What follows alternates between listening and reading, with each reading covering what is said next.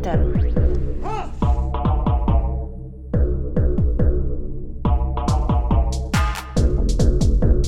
Berätta inte för mig om det svenska klassamhället. Jag har sett det. Jag har växt upp i det. Jag hatar det.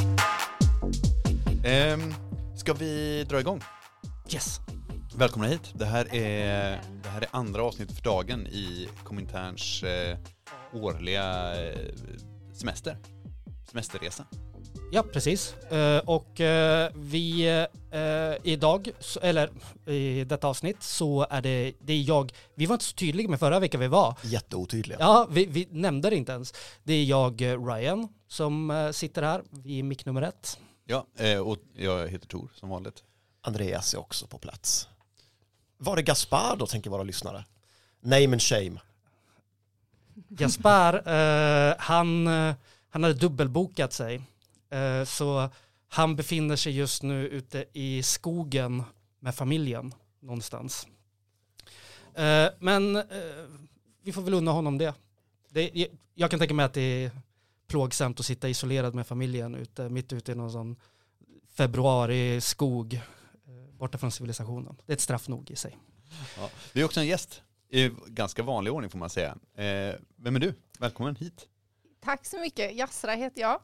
Och eh, ja, vad ska jag säga? Eh, vem är jag? Eh, jag är väl en eh, bråkig jurist med eh, lite ja, förkärlek för arbetsrätten skulle jag säga. Eh, så kan man beskriva mig, men eh, ja, eh, du jobbar på LS nu, eller? Ja, det gör jag. Eh, jag är aktiv på eh, inom LS, eh, så att säga inom föreningsverksamheten, men sen har jag också uppdrag både från alltså lokalt från LS men också centralt från organisationen att förbundsjurista lite så jag driver våra medlemsärenden som ska tvistas i domstol också som eh, ja, juridiskt ombud kan man säga.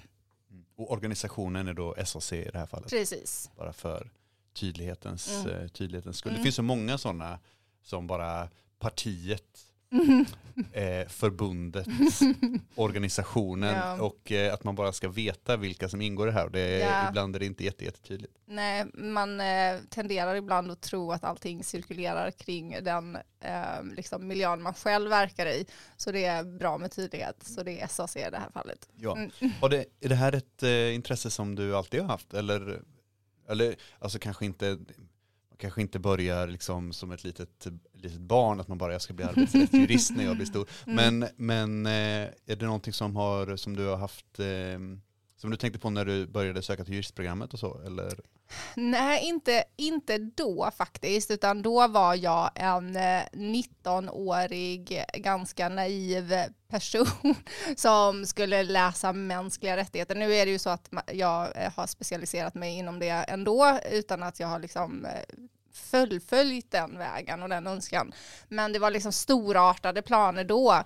Men sen eh, under eh, själva programmet så man hinner eh, ändra sig ganska många gånger under tiden man läser olika kurser och lär sig ja, olika juridiska liksom, områden. Så det som hände var att jag fördjupade mig inom arbetsrätten eh, på de sista terminerna där man har eh, valfrihet, bland annat då, det var bland annat arbetsrätt och eh, straff och processrätt, för det, jag hade ett delat intresse där. Sen har det blivit liksom, ja, att man har tagit de jobben som har funnits, alltså det har inte funnits någon liksom direkt intention att liksom, det här är spåret jag ska fullfölja här, utan jag har radikaliserats ganska mycket längs vägen av att eh, ja, men jag har ju haft med mig den naiviteten in i arbetslivet också eh, och började bland annat då efter ett antal eh, första jobb så började jag på Migrationsverket eh, och jobbade där ett antal år. Och där började, kan man säga, min fackliga bana. Ehm, jag hade nog en, inte alls någon uppfattning om fackligt arbete i stort när jag blev arbetsplatsombud, för jag började som det. Liksom. Ehm, och sen så har det bara tilltagit och blivit mer och mer och vissa saker har varit slumpartat och andra saker har varit helt medvetet. Liksom. Ehm, mm. Kommer du från en politisk eh, bana från början eller eh, är det någonting som du har liksom, har du in, inte bara radikaliserats i din, i liksom din juridik utan även i, i, eh, i din analys och så? Mm. Jag har nog eh, jag har nog haft med mig det i min bakgrund utan att jag riktigt har varit medveten om det eller liksom analyserat det förrän jag har liksom blivit vuxen och börjat tänka på liksom, ja men, min egen politiska medvetenhet och liksom var jag ligger rent eh, ideologiskt så har jag nog förstått liksom att jo men det gör någonting med en när den i alla fall ena förälder har varit eh, politisk eh, jag menar att han, han var aktivist, min pappa, och var en del av den revolutionära rörelsen i Iran. Eh, vilket var en av anledningarna till att vi flyttade hit eh, och blev tvungna att liksom lämna Iran. Och liksom vilka uppfattningar han har haft och vilka drivkrafter han har haft. Men vi, jag har inte vuxit upp i ett hem där min pappa liksom eh, berättar så här, det här är orättvisa och de här människorna är dåliga och de här är bra, utan det har mest funnits liksom ett, ja men ett, eh, inget, inget vurmande för USA om man säger så.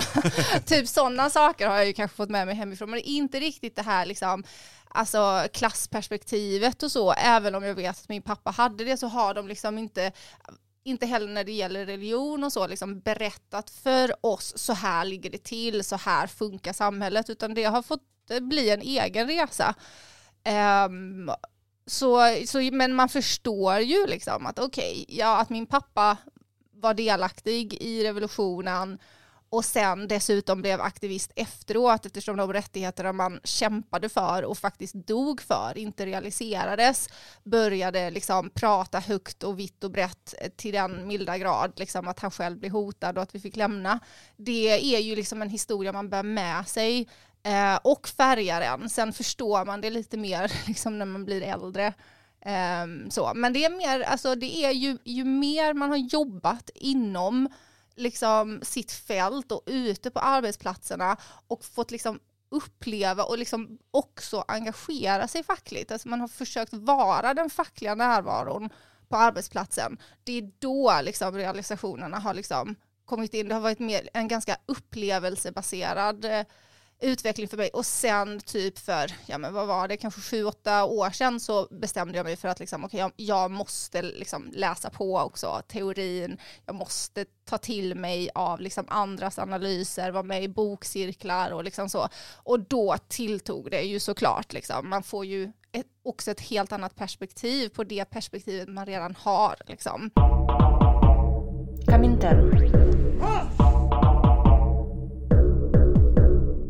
Jag tänker liksom att eh, när man är på en arbetsplats, man kan själv vara, bli offer för eh, olika former av mygel och sånt ifrån sin arbetsköpare som bråkar med en. Men vi alla har ju också jobbat inom vård och omsorg och eh, man arbetar med andra människor helt enkelt. Det är de som är, eh, man, ja men det kan vara inom HVB, det kan, kan vara på LSS eh, eller sjukhus.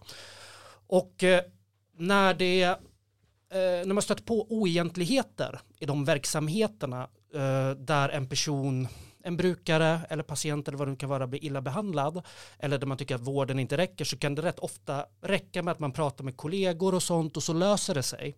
Men min fråga till dig är helt enkelt så här, vad händer när det inte löser sig? Vad, eh, för eh, om man googlar på ditt namn till exempel så eh, kommer det upp eh, angående ganska specifika händelser och så, där en liknande situation inträffade. Att man är på en arbetsplats, man jobbar med människor inom kommun eh, eller landsting eller vad det nu kan vara, eh, region kanske det heter.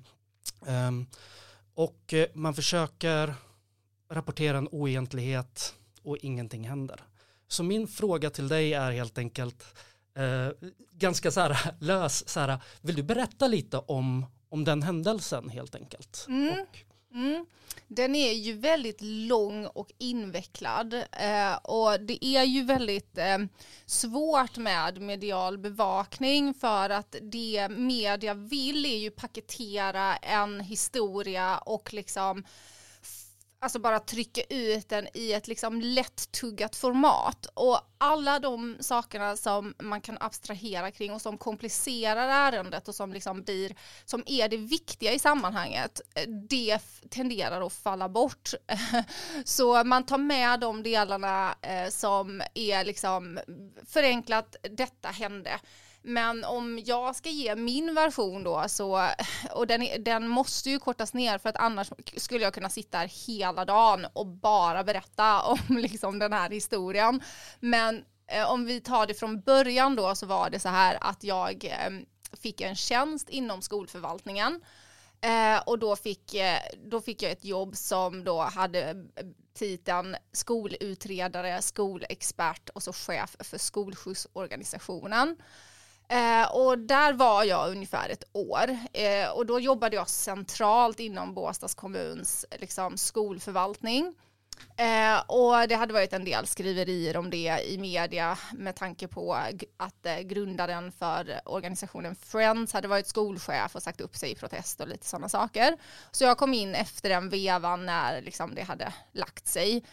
Um, och det var väl, det här är liksom min ehm, analys av hela den situationen som utvecklade sig senare, så det är liksom min, min personliga berättelse, man får ha med sig detta att det är ganska subjektivt också, men min upplevelse var att busschaufförerna som, som eh, var då ansvariga för skolskjutsen i Båstad, för att man bor väldigt liksom, utspritt och en del av skolplikten är att kommunen ser till att barnen kommer till skolan om de har eh, för långt eller för krångligt eller inte bor nära eh, kollekt- där kollektivtrafiken går.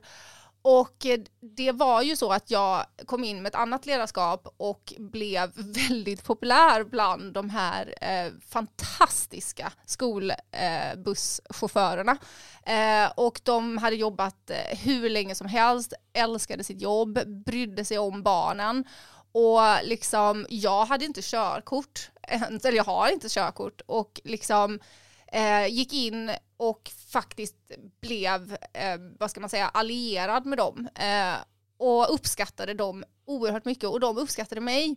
Men det var väl nog det som gjorde, gav ett eko tror jag i organisationen. För att jag älskade den delen av mitt jobb. Sen uppskattade jag inte riktigt att man kanske inte alltid hade så stor respekt för skollagstiftningen i den andra delen. Så jag var liksom på väg att lämna och kanske börja jobba i Malmö eller något liknande. Sen så blev jag faktiskt uppsökt av HR-avdelningen eh, för att liksom, jag tror att just den delen av att liksom, det gick så bra i eh, liksom med de här fantastiska människorna som hade beskrivits som problematiska på något sätt. Och jag förstår inte riktigt varför. För att de, med den erfarenheten och det engagemanget så förstår jag verkligen inte varför man bara inte ger dem allt de vill ha. Eh, så fick jag frågan då att det har, eh, upp, det har eh, uppstått en vakans inom socialtjänsten och om jag skulle kunna tänka mig ta en roll som chef. Eh, och då fick jag tänka lite och tänkte att ja men eh, okej innan jag lämnar så kanske jag skulle bara kunna liksom nu när jag ändå blir uppsökt eh, byta tjänst och se hur det går där. Eh, och det var ju lite gråtfest den dagen jag berättade för, för jag brukar kalla dem för mina chaufförer, även om de inte var mina chaufförer, den, att jag skulle sluta och gå över till socialtjänsten. Eh, så det var liksom sorgligt på det viset, men det var också spännande. Eh, så jag började, egentligen var tanken att jag skulle ha en annan position, men efter att den eh, som var då dåvarande så kallad individ och familjeomsorgschef eh, så ville hon ha mig mer liksom på golvet eh, på en enhet som hade långtgående arbetsmiljöproblematik som var allmänt känt inom kommunen också. Så det var eh, socialtjänstens barn och unga enhet. Så frågade hon, liksom, skulle du kunna tänka dig ta över och liksom se till att komma till rätta med de problemen som bara kvarstår år ut och år in. Hon hade också dessutom blivit sjukskriven under en period på grund av att den här problematiken var så långtgående och så infekterat. Så eh, jag började och jag, man kan liksom gå in på hur mycket saker som bara uppdagades liksom dag ett. Men kortfattat kan man säga att jag tog över arbetsledningsansvaret för enheten den första april. Jag rekryterade en oerhört eh, kompetent kvinna som då skulle agera som första socialsekreterare på enheten. Och eh, våran första, hon anslöt i maj och våran första larmrapport som vi har lämnat och som också hamnat media lämnade vi över till våran eh, liksom, närmaste chef i juni. Så snabbt gick det. Så det bara liksom tornade upp av liksom oegentligheter och bara Alltså så att man bara blev mörkrädd. Och det som var så bra med att eh, eh, den här första socialsekreteraren började var ju att vi kompletterade varandra väldigt bra. Jag hade liksom koll på det förvaltningsrättsliga och det juridiska och hon hade koll på LVU och liksom vad man gör i specifika fall och när det ska gå till nämnd och vem som har delegation för vad och liksom handpåläggningen liksom och så. Um, och vi jobbade oerhört bra ihop och vi slog ju larm ihop. Det var ju så. Uh, så första larmrapporten lämnades över och vi, eh, liksom, vi såg ju att våran chef brydde sig men vi såg liksom inte att det hände någonting. Det vidtogs inga åtgärder på något sätt så liksom, och vi var så fullt upptagna med att liksom alltså du vet agera i de här individärendena och det är inte tanken är ju inte att, att det är vi som ska göra det men kompetensen fanns inte på plats så det blev väldigt mycket att vi gjorde utryckningar och vi liksom handlade ärenden. Um, och sen då så visste jag att, uh, att det pågick diskussioner i uh, bakgrunden mellan nämndsordföranden då och uh, vice ordföranden och våran ledning om att ekonomin är liksom högst problematisk. Budgeten, den prognos prognostiserade budgeten hålls inte. Vi hamnade så mycket liksom i alltså back, eh, att det påverkade hela kommunens budget. Liksom. Så de hade regelbundna eh, uppföljningar och samtal som jag liksom visste från mina chefskollegor urartade i liksom rena, att man satt och skrek liksom. Eh, och sen så var det så att det som avgjorde hela grejen var då att liksom här var vi i liksom en ett berg av missförhållanden och barn som har omhändertagits där de inte borde ha gjort, alltså tagits från sina föräldrar och andra barn som har lämnats i våldsamma miljöer som borde ha omhändertagits. Liksom. Det var så fruktansvärt mycket liksom, fokus på barnen och individerna och också föräldrarna såklart.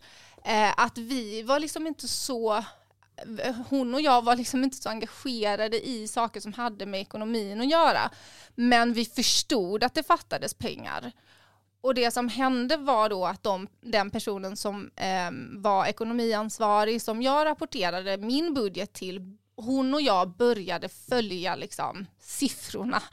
Eh, och då hade vi en, ett budgetuppföljningsmöte med led, eh, ledningsgruppen, men då var inte min chef närvarande, hon hade semester just det, det tillfället. Och då säger hon att det saknas, nu minns jag inte siffran exakt, men jag, jag, jag tror att det var 1,8 miljoner. Men, och så säger hon så här, men det är någonting som chefen inte vill gå fram med just nu. Till, alltså, och då, då, förstod, då, då var jag så här, men vad menar ni? Att den här liksom, stora luckan i budgeten, att, att vi mörklägger den för liksom de som är ytterst ansvariga för vår verksamhet som är nämnden. Ja, nej, vi, så är det. Och då fick jag faktiskt liksom, alltså jag blev förbannad. Så att det är dels så har vi då eh, hanteringen utav eh, barn och unga Mm. som det fungerar inte alls. Mm. Barnen hamnar fel eller är kvar. Och sen dels så har vi ett arbetsmiljöproblem då, då för de som jobbar där. Det är pengar som försvinner Mm. och man vet liksom inte riktigt vad det är som händer på arbetsplatsen. Det låter ju som att du uppmärksammar någonting som kommunen borde ha uppskattat väldigt mycket. I, I delar tror jag faktiskt man gjorde det och jag fick mycket uppskattning även från eh, alltså, kommuninvånarna. Jag fick, alltså, vi, alltså, den första socialsekreteraren, jag, vi fick ju blommor skickade till oss på arbetsplatsen, vykort. Jag har ju fått brev hemskickade liksom, långt efter att detta uppdagades och liksom blev en grej och, och liksom blev uppmärksammat både i media men också i, inom kommunen. Men det är en speciell eh, reaktion som inträffar, inte alltid, men ofta när människor slår larm på en arbetsplats. Alltså hur organisationer går i försvar. Um, så, och, och jag brukar ju säga det att liksom, man har ju inte de här skyddslagstiftningarna som eh, skydd för eh, liksom visselblåsare att råka ut för repressalier om det inte fanns ett behov av det. Alltså om man inte visste att det skedde systematiskt. Det är ju inte så här att de här lagstiftningarna är några så här dekorativa och, och ska finnas där för att det är snyggt. Utan det är ju för att man vet att det, det, det sker någonting ute på arbetsplatserna och att det som sker, och detta brukar jag vara väldigt noga med att understryka, det, det är ju liksom inte det personliga, även om man vill ha personlig upprättelse så är det ju inte det som är det viktiga i sammanhanget utan det handlar om att allas säkerhet eh, på något sätt är i fara och människor inte vågar larma på sina arbetsplatser. Det handlar om maten vi stoppar i oss, våra färdmedel, våra vägar, våra broar. Det handlar om allt. Det handlar om barnomsorg, vård. Det går liksom, man kan hålla på i evigheter och prata om liksom riskerna. Men, men det är ju så att eh, organisationer tenderar att gå i försvar. Och det brukar ofta handla om, om man tittar på liksom, forskningen som finns i de här frågorna och där är det så att Sverige inte riktigt ligger i fas med exempelvis länder som USA så handlar det om att det oftast är det finns ju en hierarki i organisationerna och när man pekar på liksom någonting, ett missförhållande här nere, så brukar det, och det är ju utredningar även i det, i det här fallet där jag har slagit larm som har fastslagit i efterhand, att det är kedjan som brister och de som är ytterst ansvariga för organisationen som inte har liksom följt upp på rätt sätt och, inte, och har liksom mest suttit och räknat pengar och, och tänkt på budget när de borde ha satt mål för verksamheten och kollat hur specifika saker går för liksom organisationen så har de suttit och räknat plus och minus och debit och kredit. Och det är hotfullt det blir hotfullt när man säger, och det var jag också väldigt tydlig med när jag slog larm, alltså den kritiken jag lyfte var ju liksom okej, okay, vi har problem här, men HR-chefen och cheferna där längst upp har känt till de här problemen. Det var, det var ju det jag började säga som gjorde att jag Eh, blev problemet istället för den som har larmat om problemet. Det är att de, här sakerna här nere har varit liksom allmänt kända för de som sitter längst upp och bestämmer eh, och fördelar pengar. Och eh, det, jag tror att det är väl det där otacksamheten kommer in, liksom, att man istället då blir utmålad som ett problem när man börjar peka på kedjan och inte bara på det som händer runt omkring en själv. Liksom. Vad var det som, vad, vad, vilken sorts eh, liksom, repressalier blev du utsatt för? eh, Eller vilken, ja, precis. Får jag, får jag bara hoppa in med en fråga Mm. innan? För att du och en kollega slår larm Mm. ehm, om eh, barn som, eh, i, i, främst om då barn som har felplacerats eh, eller något sånt. Eh, och den här visselblåsarlagstiftningen är helt ny då också eller? Alltså, eh, och mm. det är liksom oklart vad som gäller vid vissel, eh, visselblåsarsituationer. Mm. Eh, kommunen hävdar en sak Mm. och ja, Mm. eh, har jag missförstått det rätt när jag läste Nej, om det? du, du har förstått det rätt. Det här är ju en stor frustration hos mig och det, är liksom, det pratas för lite om just den här delen som är det absolut viktigaste och som behöver, alltså som vi behöver fokusera på. Det är att den regleringen som har funnits i Sverige, det instiftades inledningsvis en visselblåsarlag 2017 i Sverige och då måste man komma ihåg att en lag kommer liksom inte till över en natt utan man har liksom tillsatt en utredning, det har pågått en längre tid, man har dragit igenom riksdagen. Och så så liksom historien sträck, sträcker sig mycket längre tillbaka än då det blev lag. Liksom. Det måste man komma ihåg. Och den lagen har ju kommit till av från att eh, man på EU liksom, nivå har antagit resolutioner till skydd för visselblåsare, att man liksom har olika internationella sammanhang liksom slagit fast att det här är någonting som liksom nationalstaterna måste jobba med. Och det här skyddet kommer bli allt mer viktigt för oss, alltså som, som liksom en global värd att se till att detta funkar. Och då gick Sverige ut som, liksom, ja, nu ska vi vara bäst i klassen och nu ska vi, liksom, innan det här är ett måste, så har, har ju Sverige gått och stif, instiftat en visselblåsarlag. Och detta, när detta hände då, eh, jag blev avstängd från min tjänst i början av Eh, 2020, februari 2020 var det, precis när pandemin bröt ut. Ehm, då hade ju inte lagen blivit prövad en enda gång. Och, det, och mig veteligen så har den inte blivit det ännu idag. Och det som har hänt då, det är ju att EU sa nej nu får det vara nog, alltså vi måste ha en minimilagstiftning här, alltså ländernas eh, lagstiftningar måste harmoniseras, här ligger minimi, varsågoda lagstifta. Och då var den så detaljerad och så liksom Alltså det är konsulter, det är liksom människor utanför organisationen, alltså det, skyddet skulle omfatta liksom så långt många fler personer än den visselblåsarlagen som fanns i Sverige. Så då gjorde man om lagstiftningen, man tillsatte en till utredning och så kom det en ny visselblåsarlag. Så mig veteligen har varken den ena eller den, den andra lagen blivit liksom prövad i svensk rätt. Och det det är så viktigt att komma ihåg att i alla andra länder så är det tvärtom. Och, det, och det, det, är liksom de här nyanserna som jag gärna vill diskutera, som jag jättegärna vill att media uppmärksammar, men som bara faller platt liksom, för att man inte är intresserad av att diskutera det. För hur kommer det sig att i andra länder så fort man får en regel, eh, liksom, en, en lagstiftning, ett regelverk eller en institution, ibland har man en myndighet som, ska, liksom, som är till för visselblåsare, då går administrationen spikrakt uppåt. Alltså det, det är liksom folk anmäler, det kom, blir en praxis, man mm, liksom börjar behandla frågorna. Alltså det, det är ju såklart så att de här, som sagt, de här lagarna finns ju för att det sker, för att det finns ett behov, för att människor larmar och blir utsatta för repressalier. Och sen så kommer ju administrationen som, ett, liksom, som en följd av liksom re regelverket. I Sverige är det ju liksom regelverk sen innan vi var tvungna och fortfarande ingen praxis. Precis, att det som händer då som Tor var inne på är att mm. ni anmäler det här. Mm. Det finns en lagstiftning som aldrig har prövats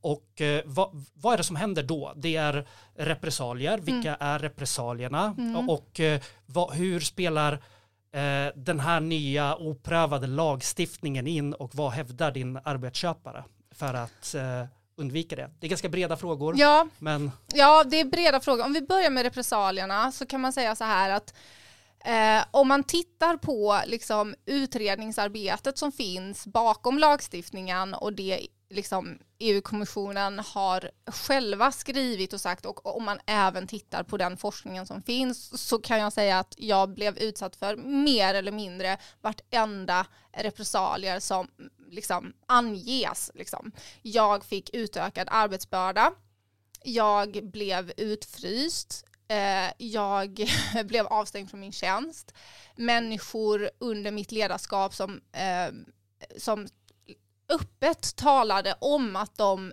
uppskattade mig, blev utsatta för repressalier utan att jag, liksom, jag kunde inte agera, jag var ju liksom frånskild från min tjänst. Och då handlade det inte bara om eh, kvinnan jag eh, visselblåste tillsammans med, utan det var människor som liksom, eh, var mina medarbetare och som arbetade under mitt ledarskap. Um, så var det avstängningen, det var ryktespridningen, det var eh, att man angrep då, man tillsatte en arbetsmiljöutredning och eh, försökte då angripa mitt ledarskap. Eh, det var uppsägningen som är liksom den mest, alltså konstaterat den mest långtgående repressalien en person kan bli utsatt för. De ställde ut dina saker utanför kontoret så att när mm. du kom till jobbet en dag så hade de bara tömt ditt kontor på Jag grejer. kom ju aldrig tillbaka till jobbet. Ah, så, okay. alltså, jag blev avstängd, det var faktiskt kvinnan jag visselblåste med som, som, som detta hände och som tog bilderna. Eh, dagen efter att jag eh, Eh, blev avstängd från min tjänst så var det så, om det var dagen efter eller två dagar efter så ombads hon att, eh, att lämna det rummet hon och jag satt i och delade. Och eh, det som hände då var ju att det blev för mycket för henne. Hon, hon gick hem och eh, sjukanmälde sig.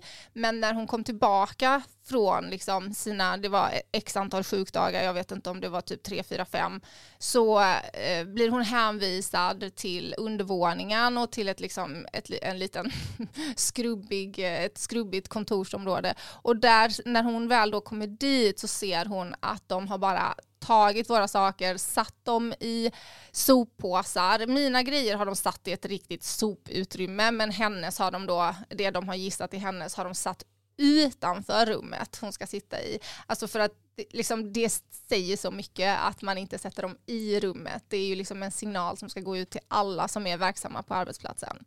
Precis, och arbetsköparen hävdar att eh, de har inte gjort något fel. Mm. Eh, det här är ingen riktig visselblåsning som har hänt. Mm. Utan eh, det är för att du, du skulle ha gjort massa andra saker innan för att det ska kunna klassificeras som det. Mm. Generellt, liksom, vad, var det de, vad var det de sa sen? När, Ja, alltså förenklat kan man säga att Båstads kommun hävdade då att jag bara har gjort mitt jobb och därför är inte liksom det jag har gjort är inte att betrakta som att slå larm. Och det i sig betyder då att man diskvalificerar mig som visselblåsare och vilket betyder att man kan inte aktivera skyddet. Alltså du kan inte aktivera skyddet för visselblåsare och ett skydd mot repressalier om du inte är att betrakta som visselblåsare. Så det var ju liksom förenklat deras linje eller det de hävdade inledningsvis. Först ville de ju liksom få det till, jag vet inte vad, de gick ut i media och sa att jag hade begått fel och försummelse och sen kunde de inte liksom specificera vad jag, vad jag hade gjort för fel och vad, vad det var. Och det är också en repressalia att gå ut i media och säga att en, en visselblåsare har, ju, har liksom ägnat sig åt något slags tjänstefel. Men eh, liksom sen renderade det då i att det var deras ställningstagande var att det här är inte visselblåsning för hon har bara gjort sitt jobb. Och det är ju lite skrattretande för att de menar ju på att liksom, gör man Lexara liksom, anmälningar så är det liksom, då ska man bedömas enligt Lexara, då kan man inte, liksom, då kan man inte gå in i visselblåsarlagen. Och det som är så intressant att hela, hela Lexara, alltså så här, regleringen kommer ju från att en kvinna visselblåste.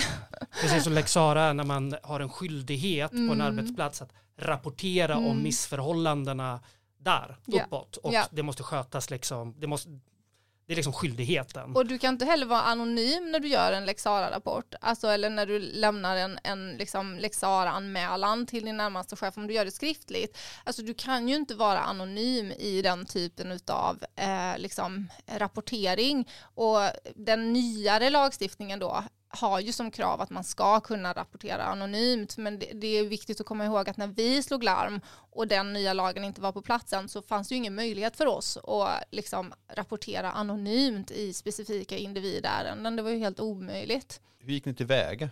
Hur rapporterade ni? Hur blåste ni i, visslan så att säga? Det är på olika sätt. Vi Lexara rapporterade först genom att jag då innan eh, den första socialsekreteraren hade tillträtt sin tjänst och börjat med liksom, eh, det administrativa och handpåläggningen så hade jag mer eller mindre dagliga avstämningar med min chef där jag muntligt rapporterade till henne.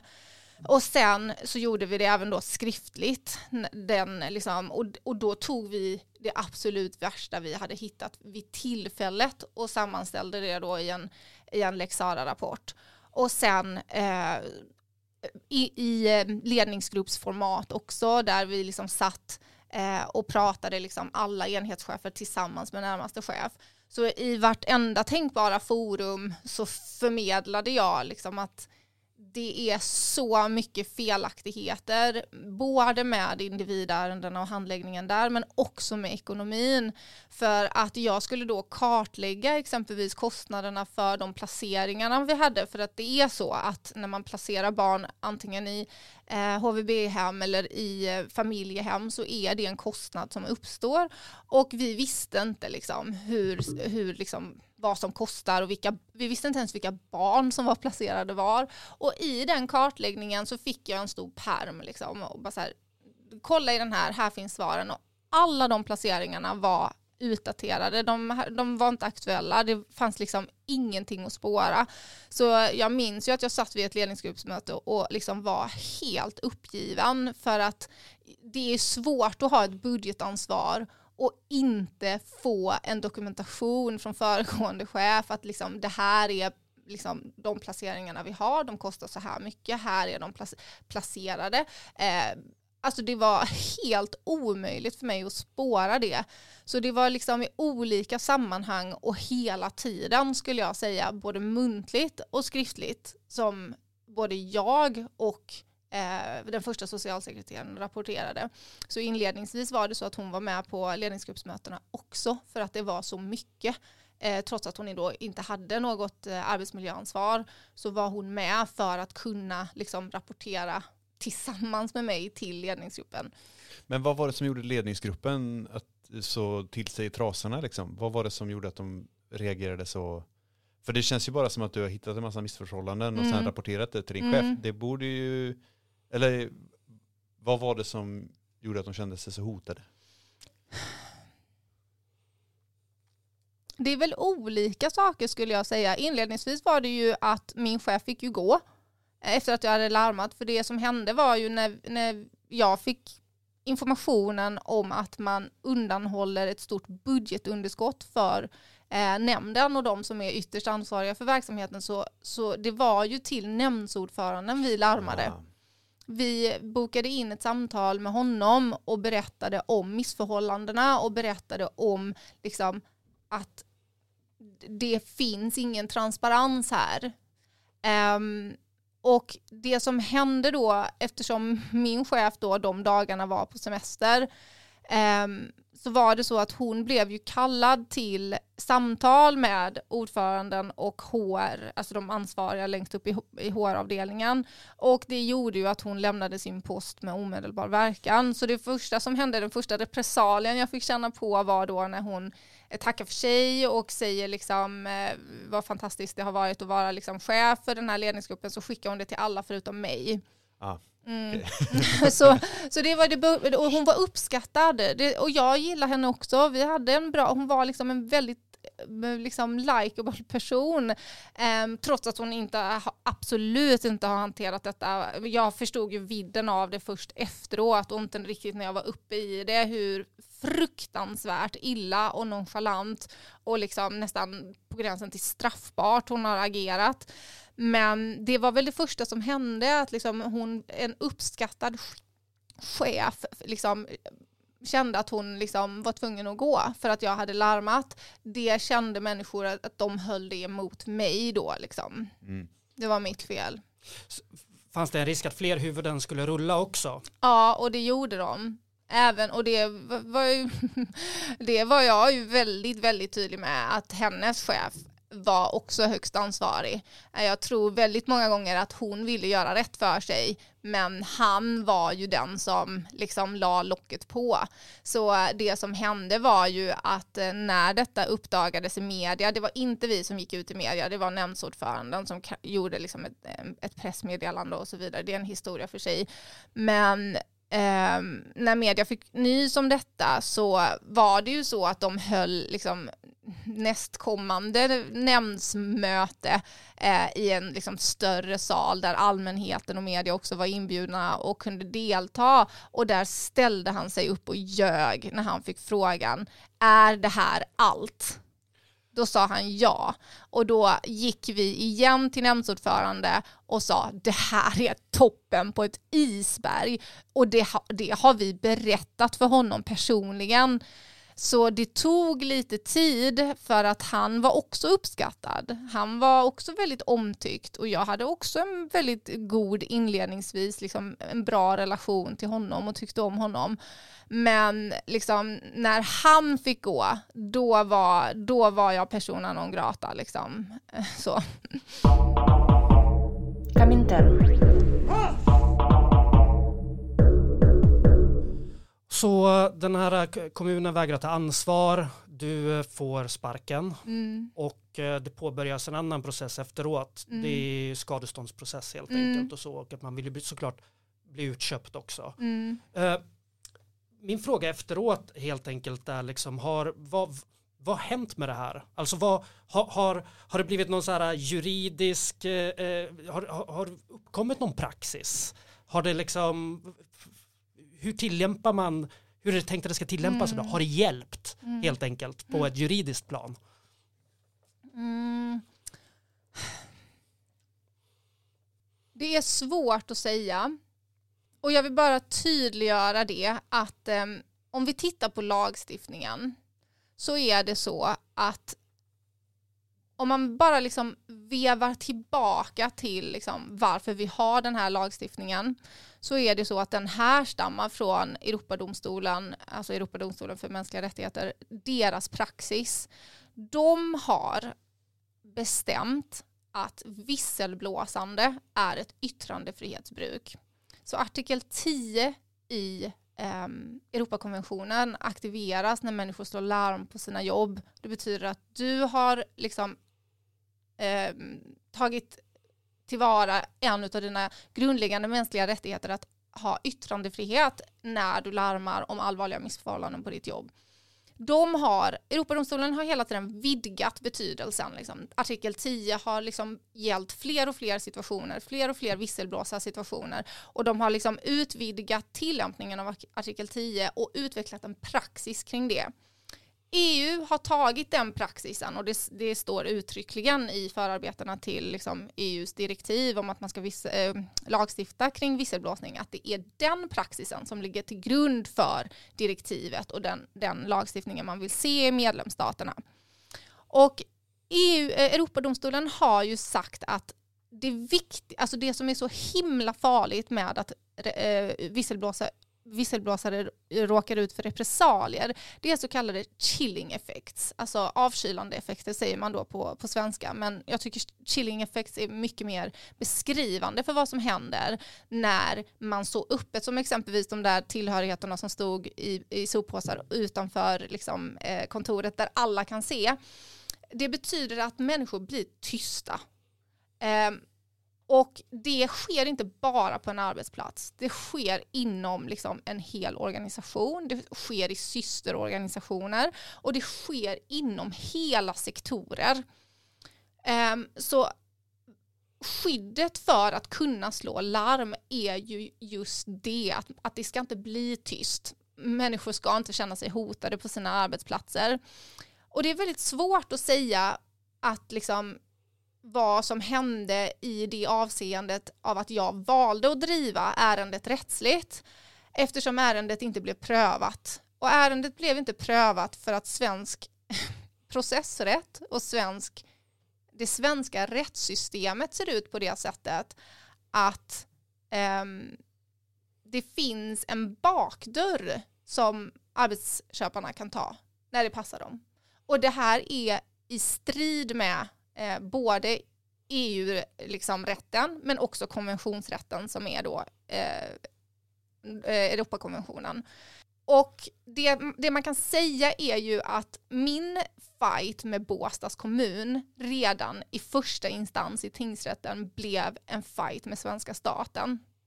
För att jag sa att domstolarna får inte lov och ehm, bara säga okej, eh, arbetsköparen backar nu, säger vi fullgör, vi betalar skadeståndet, vi ogiltigt förklarar uppsägningen, vi står för rättegångskostnaderna, här har ni pengarna, nu går vi. Och så kan de gå ut dagen efter i ett pressmeddelande, vilket de gjorde, och sa ja, vi, eh, så nu har vi betalat skadeståndet, men vi tycker ändå inte vi har gjort något fel. Och detta är ju någonting som bland annat Lunds universitet har satt i system. Mm. Blir det, och, och då handlar det inte om bara liksom visselblåseri utan det handlar om allting som har med rättighetsfrågor att göra. Det kan vara att du har blivit sexuellt trakasserad på jobbet. Det kan vara att du känner att du liksom vill aktivera diskrimineringslagstiftningarna. Alltså, och där har det svenska rättssystemet gjort så att man bara kan stänga ner rättsapparaten för individen för att den liksom, stora parten, den parten med resurser och pengar och HR-organisationer, den kan bara säga jag betalar. Och sen vet inte du, har jag blivit utsatt? Är det diskriminering? Har jag visselblåst? Alltså det, alla de frågorna liksom stängs ner och sen får den parten med resurser äga narrativet eftersom de kan gå ut med pressmeddelanden, de kan liksom Ja, de har ju så mycket större möjligheter att äga sanningen inom citationstecken. Jag hade ju turen på min sida att media var väldigt intresserad av mitt ärende. Så jag har ju liksom haft opinionen på något sätt på min sida, har jag ju känt hela tiden. Och den juridiska kunskapen. Ja, och det är ju detta som är så frustrerande. För att jag tror inte att det hade blivit en sån hjärtesorg för någon som inte är jurist eller inte förstår vidden av hur fel detta är och hur det egentligen inte är tillåtet att göra på det här viset. Um, för att liksom, jag har sagt det så många gånger nu och det är någonting jag inte har kommit över och tror kanske inte jag gör det heller, men jag har ju sagt att det är ingen som kommer till Sverige som liksom flyktingbarn och får flyktingstatusförklaring bestämmer sig att läsa juridik som tror att rättssystemet är en chimär. Det är ju liksom, det är ingen som har det självskadebeteendet. Alltså man tror ju någonstans att det här systemet ska bära och man har en tilltro till liksom, i alla fall liksom, domstolarna i högsta instans och att själv få uppleva liksom, att man skriver rakt ut liksom, det här är praxis, så här får ni inte göra. Detta måste ske. Liksom. Vi måste ha en prövning av ärendet på grund av det här och det här och det här. Och då är det så här dagsfärska beslut från EU-domstolen som har sagt liksom Sverige får inte lov att göra på det här viset. Och ändå blir jag nedstängd. Den är så svår, alltså hade jag inte förstått det och hade jag inte förstått vidden och hade jag inte kunnat liksom hitta rättsfallen och trycka på de här sakerna så tror jag hade blivit väldigt skonad. Nu var det så att jag liksom, de juridiska kunskaperna och de jag faktiskt man erhåller ju dem också på vägen för jag var ju liksom ingen visselblåsarexpert innan detta hände mig. Liksom. Jag hade inte jättemycket koll på repressalieförbudet. Men den är tung alltså att bära och att förstå hur, hur uppåt väggarna och galet det faktiskt är. Och det är det jag vill prata om. Det var det jag, alltså, men så fort jag fick skadeståndet, så fort Båstads kommun medgav talan i sin helhet med en mening, och då ska vi komma ihåg att det gjorde de inte när jag stämde. Jag delgav dem stämningen innan jag skickade in den till domstolen för att det är också ett sätt att du vet säga ja men vi betalar eller liksom. De gjorde det inte vid den muntliga förberedelsen i domstolen, utan de gjorde det först efter att jag hade inkommit med alla mina bevisuppgifter och då, det var ett liksom enormt traumatiskt arbete för man var tvungen att liksom sitta och klippa i du vet de här inspelade eh, mötena man har haft med chefen för att liksom, vad är bevis, eh, vilka ska jag kalla som vittne, hur ska jag liksom utforma talan, alltså du vet när, all, när allt var sammanställt och klart liksom. Och det arbetet var enormt och det fick jag göra själv. Då medger de talan och fram tills dess hade det hetat nej, liksom Jasra är inte visselblåsare. Um, så det var skoningslöst verkligen. Uh, och, och då vill man ju liksom så här att media ska uppmärksamma du vet, den fighten som följde, för det blev ju en strid i striden. Alltså nu är ju inte min fight med Båstads kommun längre. Nu vill jag att ni som, alltså Sveriges domstolar är ju liksom representant för svenska staten i liksom lagstiftningssammanhang, i EU-sammanhang och i konventionssammanhang. Jag vill att ni ska pröva detta. Och då försvann alla, för det gick inte att paketera, du vet. Eh, liksom, tjej, eh, på jobb, chef, barn och unga, socialtjänsten slog larm, blev sparkad. Det är väldigt liksom, lättuggat. då. nu när man liksom pratar om, om rätten till en prövning av ett, liksom, av ett grundläggande mänskliga rättigheter eller typ att visselblåseri är, är ett yttrandefrihetsbruk, då bara tappar man alla liksom. Det är inte alls lika smaskigt. Nej. i medianarrativet, Mm. då, då blir det så här, ah, skadestånd och det, det blir ju ett, ett eh, väldigt så, för den som inte är insatt blir det ett väldigt tydligt avslut Mm. och en ty, ett, Mm. ett fint avslut på den här eh, narrativa arken. Liksom. Mm. Och det var ju det som var problemet. Jag fick ju till och med liksom, eh, skriva brev eller mail till Eh, Helsingborgs Dagblad när de hade liksom formulerat en, en rubrik om att liksom, att eh, nu, är det, liksom nu, här, nu är det slut, hon fick sitt skadestånd. Liksom. Jag kommer inte ihåg exakt liksom, för att man förtränger en del. Um, så skrev jag liksom, men det här är missvisande liksom, och ärendet är inte alls slut bara för att de går med på att liksom eh, och det blev det ju inte. Jag överklagade, jag tog det till Arbetsdomstolen och jag liksom har fortfarande inte satt punkt för ärendet för att jag tänker att jag ska ta det till EU-domstolen. Eh, men, men det var bara liksom, det gjorde så ont att liksom precis när de medgav talan att media bara så här, okej nu är det klart, eh, nu liksom, hon fick sitt skadestånd.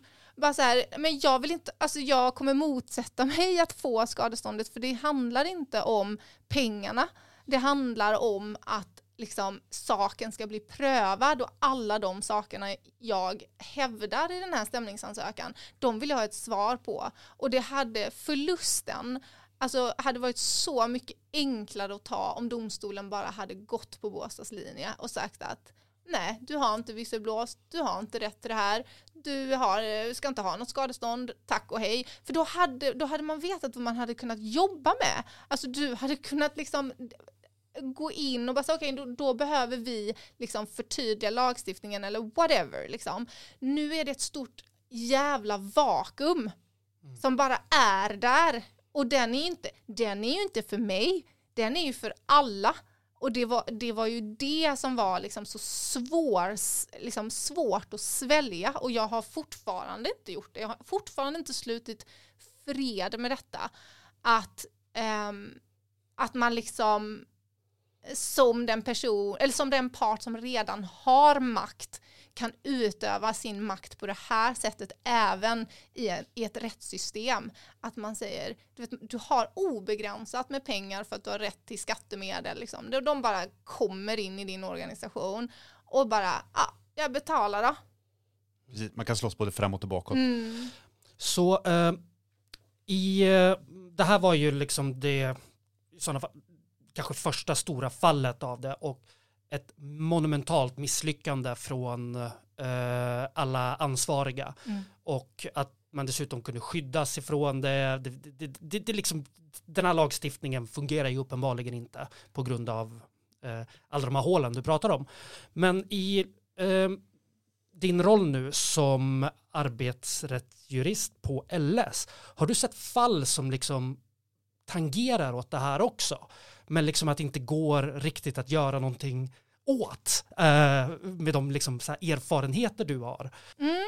Det är en väldigt bra fråga. Eh, inte, inte inom eh, den delen som jag är verksam eh, och liksom juristar eller vad man ska säga inom LS men jag har ju eh, liksom jag driver ju eg, eh, har eget också eh, och där har jag ju blivit kontaktad av flertalet visselblåsare och ehm, eh, vissa av dem eller absolut majoriteten vill har inte möjlighet att driva sina ärenden och liksom behöver egentligen någon att bolla med och någon som bekräftar liksom att du har slagit larm och det som händer just nu är att organisationen går i försvar. Men jag har en kvinna som jag hjälper just nu och eh, där stämningsansökan ska in eh, om några dagar eh, som har slagit larm på sin arbetsplats inom socialtjänsten och som eh, har blivit utsatt för fruktansvärda repressalier. Men där, och det är en helt annan kommun. Men du vet när man ser på tendenserna vad som har hänt liksom, från dag ett till liksom, där hon är nu så är det så himla intressant för att vissa saker kunde jag ju liksom, alltså jag kunde ju liksom förutspå. Liksom. Jag kunde säga, har kunnat säga till henne, okej men nästa steg kommer nog förmodligen bli så här att din arbetsgivare äh, äh, liksom, äh, agerar i, i, i liksom på det här sättet eller gör det här. Och så har, man, har det visat sig att jag har helt rätt. Och det är ju baserat på min egen erfarenhet. Och, och så jag menar, eh, jag hoppas verkligen att den här beska erfarenheten på något sätt ska komma till gagn för andra. Eh, och att man liksom kan förvalta den på något sätt som gör att, för, för det går ju faktiskt att släppa sin egen historia och fokusera på andras historier och försöka få till en prövning och praxis den vägen också. För att jag menar, alltså visselblåsare finns det ju inte, lider vi ju inga brist av utan de är överallt och när man har fått liksom lite så här medial eh, uppmärksamhet och har ett namn som, som är lätt sökt, liksom. jag har ett ganska ovanligt namn, så är det helt, alltså det är helt ofattbart hur många människor det är som sträcker ut en hand och vissa behöver bara prata, andra behöver bekräftelse och vissa behöver juridisk liksom, uppbackning. Um, så jo, det finns där i bakgrunden. Men inte inom LS, eh, det, det kommer tror jag så småningom. Uh, men just nu är det liksom i min verksamhet utanför. Jag tänker att det finns en väldig styrka i när man är i en process som är, som är väldigt främmande för en och som är, alltså det, man ska inte fringa, det är ju stora liksom, det är ens försörjning, ens, ens psykiska hälsa, det är ju möjligheten att sätta, på, liksom, sätta mat på bordet mm. och, och tak över huvudet liksom i vissa fall. Så att det blir väldigt så här en, en, en styrka i när man är i en sån stor och skrämmande process att man kan, att någon kan liksom ge en en idé om att säga, okej, okay, men det här är nog nästa grej som kommer hända. Att man kan vara lite mentalt förberedd, att inte allting bara slår en som en, som en total överraskning. Mm. Ja, det är, och, och lite så här att man, man på något sätt känner till mekanismerna av hur organisationer fungerar och att man liksom också måste eh, för personen som blir drabbad någonstans liksom avpersonifiera hela, eh, liksom, för, för att det är så personligt när man är mitt uppe i det. Och det ska det få lov att vara. Men liksom det är jätteviktigt att man hela tiden påpekar att det här handlar inte om dig, du har gjort rätt, utan det här handlar om liksom mekanismer som finns ute på arbetsplatserna och, och som, som är så utbredda att vi faktiskt har behövt liksom en skyddslagstiftning mot det. Så den delen känner jag ju verkligen redan nu att den, den kommer till användning, liksom, som kommer från min egen erfarenhet. Men men det finns också en stor frustration för att det är ju liksom inte bara en eller två saker. Det handlar ju inte om att exempelvis arbetsköparna har för mycket mandat, vilket är fallet, utan det handlar liksom om så många saker som samspelar och där, där kommer ju faktiskt fackförbundens roll, alltså majoritetsfackförbunden då, deras roll är ju inte liksom liten i sammanhanget av att vi saknar praxis. Eh, de har ju en, eh, det är ju väldigt intressant att när TV4 gjorde ehm, en intervju med mig och eh, liksom publicerade så, ehm, och detta visste jag inte om men, men de som intervjuade mig kontaktade ehm, dåvarande ordförande för Kommunal, Tobias Bodin, är det så han heter? Gud, jag har så dålig koll på ja, LO. Ja, nej men han fick också komma till tals eh, och det han sa var ju väldigt liksom team Jastra och vilket var bra. Men frågan är vad har, alltså jag menar här satt alltså, alltså de eh, fackförbunden på lokal nivå och skrev under samverkansprotokollen som arbetsgivaren ville ha dem. Alltså de spelade också en roll i allt det som skedde mig för att man skapade en arbetsbristsituation då man införde ett kompetenskrav just på min liksom, eh, enhetschefsposition. Eh, när en del av vad jag hade larmat om är att det finns en lagstiftning som gör att man inte får lov att jobba med barn och unga, handlägga barn och unga ärenden om du inte har socionomexamen. Och då satt alltså handläggare och, och utförde liksom handläggnings, liksom, uppgifter på barn och unga utan att de hade rätt kompetens. Men de införde alltså inte kompetenskravet där den skulle vara, utan de införde den specifikt på min, liksom, min position för att bli av med mig. Och då är frågan, vad gjorde facket? Vad gjorde fackförbunden som satt i samma rum som arbetsgivaren och visste om liksom, att detta är riktat mot mig? De skriver under. De eh, säger ja, de tuggar i sig det precis. Alltså, och det blir så, det blir så hånfullt liksom att, att liksom Kommunal som ordförande står där i ett inslag som handlar om hur jag har blivit ut, utsatt för repressalier och säger men vi är team Jasra och sen så finns det liksom, de, de driver ju inte ärenda, ärendena heller till domstol. De, de är så fast i liksom LAS och MBL och liksom glömmer alla andra skyddslagstiftningar. Så det är ju så komplext eh, kring liksom, hur, kan, eh, hur, kan vi liksom, hur kan vi befinna oss här? Att det, vi, vi, har, vi anser att vi är skyddade, vi har alla de här fantastiska liksom, skriftliga liksom, dokumenten som är lagstiftningar, men vi har, vi har liksom inget reellt skydd där man kan säga det här är en visselblåsare, det här är, och där har, där har fackförbunden en, en jätte, jättestor roll i det.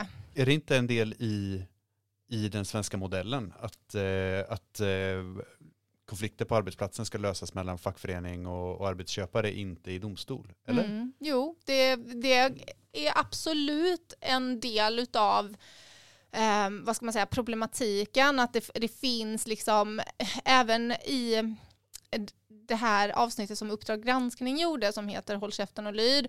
Så jag sträckte ju ut en hand till en av dem för att liksom, det är det som gör att man läker faktiskt. Det är ju att visselblåsare pratar med varandra. Eh, och då frågade jag henne lite om hennes process för jag hörde att hon hade fått ett skadestånd efter att facket hade gått in och förhandlat och då liksom så här, det är ju väldigt tydligt även där, eh, även trots att hon fick ett skadestånd så står det ju inte vad hon har fått ett skadestånd för. Eh, ah, det står ingenstans att hon har larmat och hon har blivit utsatt för repressalier och facken som går in och förhandlar för medlemmarna är ju av den uppfattningen att liksom, jo, här, vi, målet är att vi ska komma överens. Och sen är det den här pengadelen som man tycker är ja, men det ska vara läkande nog. Medan för alla som slår larm så är ju pengarna oerhört sekundärt liksom, till att man får liksom, bara en bekräftelse. Alltså, man hade kunnat, jag kan liksom, tala för 99% tror jag av alla visselblåsare, att man hade kunnat byta ut alla pengar mot att någon ansvarig i organisationen säger du gjorde rätt, vi skötte detta fel. Det hade räckt. Comintern. Jag har en fråga eh, rörande vem som kan vara en visselblåsare. För eh, ta till exempel, man är timvikarie, det är en väldigt vikariestyrd verksamhet, det kan vara inom LSS eller hemtjänst, eh, alltså på boende eller så. Och man ser missförhållanden på arbetsplatsen och man pratar med chefen, ingenting händer, mm. man kanske till och med får färre pass. Mm.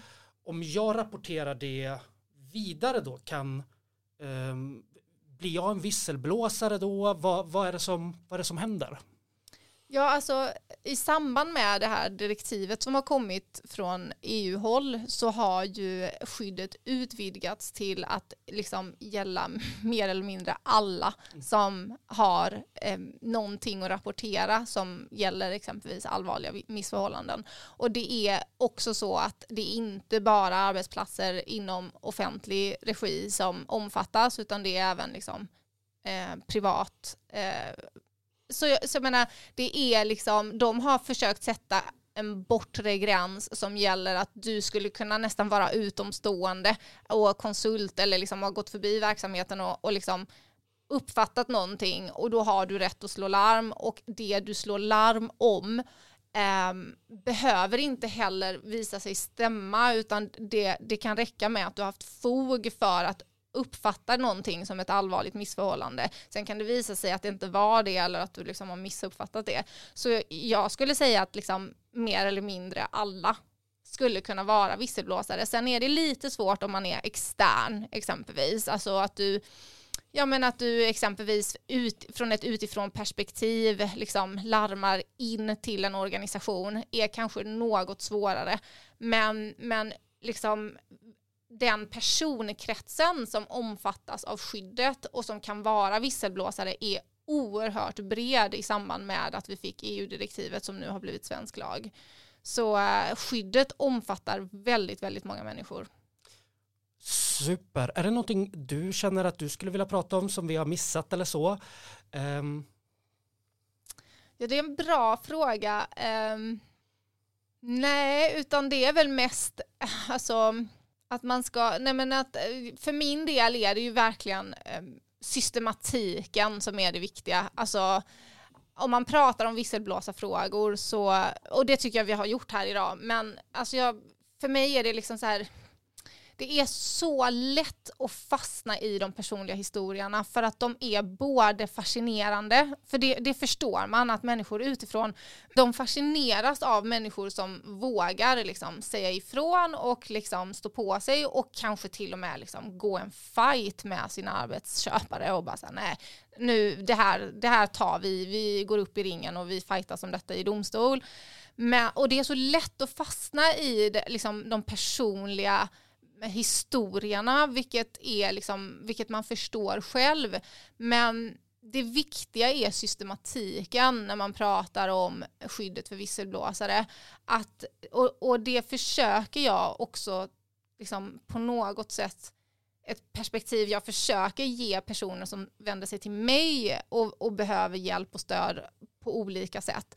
Att liksom den personliga upprättelsen är jätteviktig men den är sekundär för att det är systematiken vi måste fokusera på. Det är den här maktasymmetrin som har blivit eh, liksom en jätte, jättekonstig och märklig situation just i, för svensk del. Alltså i, i en svensk kontext har detta liksom blivit så fruktansvärt märkligt att liksom vi går vi är liksom raka motsatsen till det som sker i regel. Eh, det här med att exempelvis vi inte har ett enda rättsfall trots att vi är ett av de länderna som har haft lagstiftningen längst. Så eh, för min del, om jag skulle liksom peka ut någonting som är viktigt och som man ska fortsätta prata om så är det ju att ifrågasätta det. Hur, hur kan det bli så här? Hur, hur är det möjligt att, att vi liksom hamnar här och är så olikt ja, men länder som Nederländerna eller liksom som Storbritannien. Alltså vad är det som händer i Sverige? Eh, varför ser det ut så här? Man behöver liksom problematisera kring det och vara jätte, jättetydlig med att liksom visselblåsande är ett konstaterat yttrandefrihetsbruk. De två sakerna är ju det absolut viktigaste i sammanhanget när man pratar om Eh, människor som liksom slår larm på sina arbetsplatser och blir utsatta för repressalier. Um, så det är väl, det, är väl liksom det som kommer vara mitt fokus även framledes när jag jobbar med frågorna. Men det är väl det jag skulle vilja ge med alla som vill fortsätta prata om detta är ju just de två sakerna. Att flytta fokus från de personliga historierna eh, som är jätteintressanta eh, och har jättemånga liksom, liksom, fantastiska aspekter. Men det stora, man missar liksom, helheten när man bara pratar om personerna. Och, och det brukar jag ju säga även om mig själv. Liksom, att jag pratar ju jättegärna om mitt ärende som ett exempel men liksom är väldigt tydlig med att liksom, det här handlar ju inte om mig eh, liksom striden och liksom skyddet och liksom vad som behöver hända i Sverige handlar inte om mig personligen utan det handlar om en liksom mycket större fråga än så. Jasra, Mm. tack så jättemycket för att du kom idag. Tack för att ni ville ha mig här. Eh, Superintressant och jättetrevligt. Ja, Det är och det var din första poddande Ja, och eh, det gick eh, jättebra. jag hoppas det.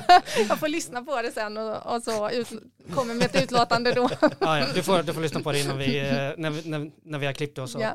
Eh, vi vill tacka GRK Northeast för intro och outro och så checkar vi ut. Man kan också, om man har frågor, så kan man mejla oss Ja, på kominternpodd.gmail.com eller så kan man skriva oss till oss på Instagram där vi också finns.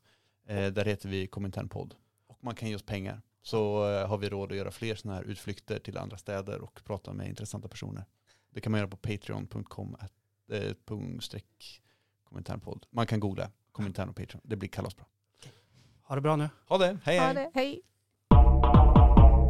Comintern.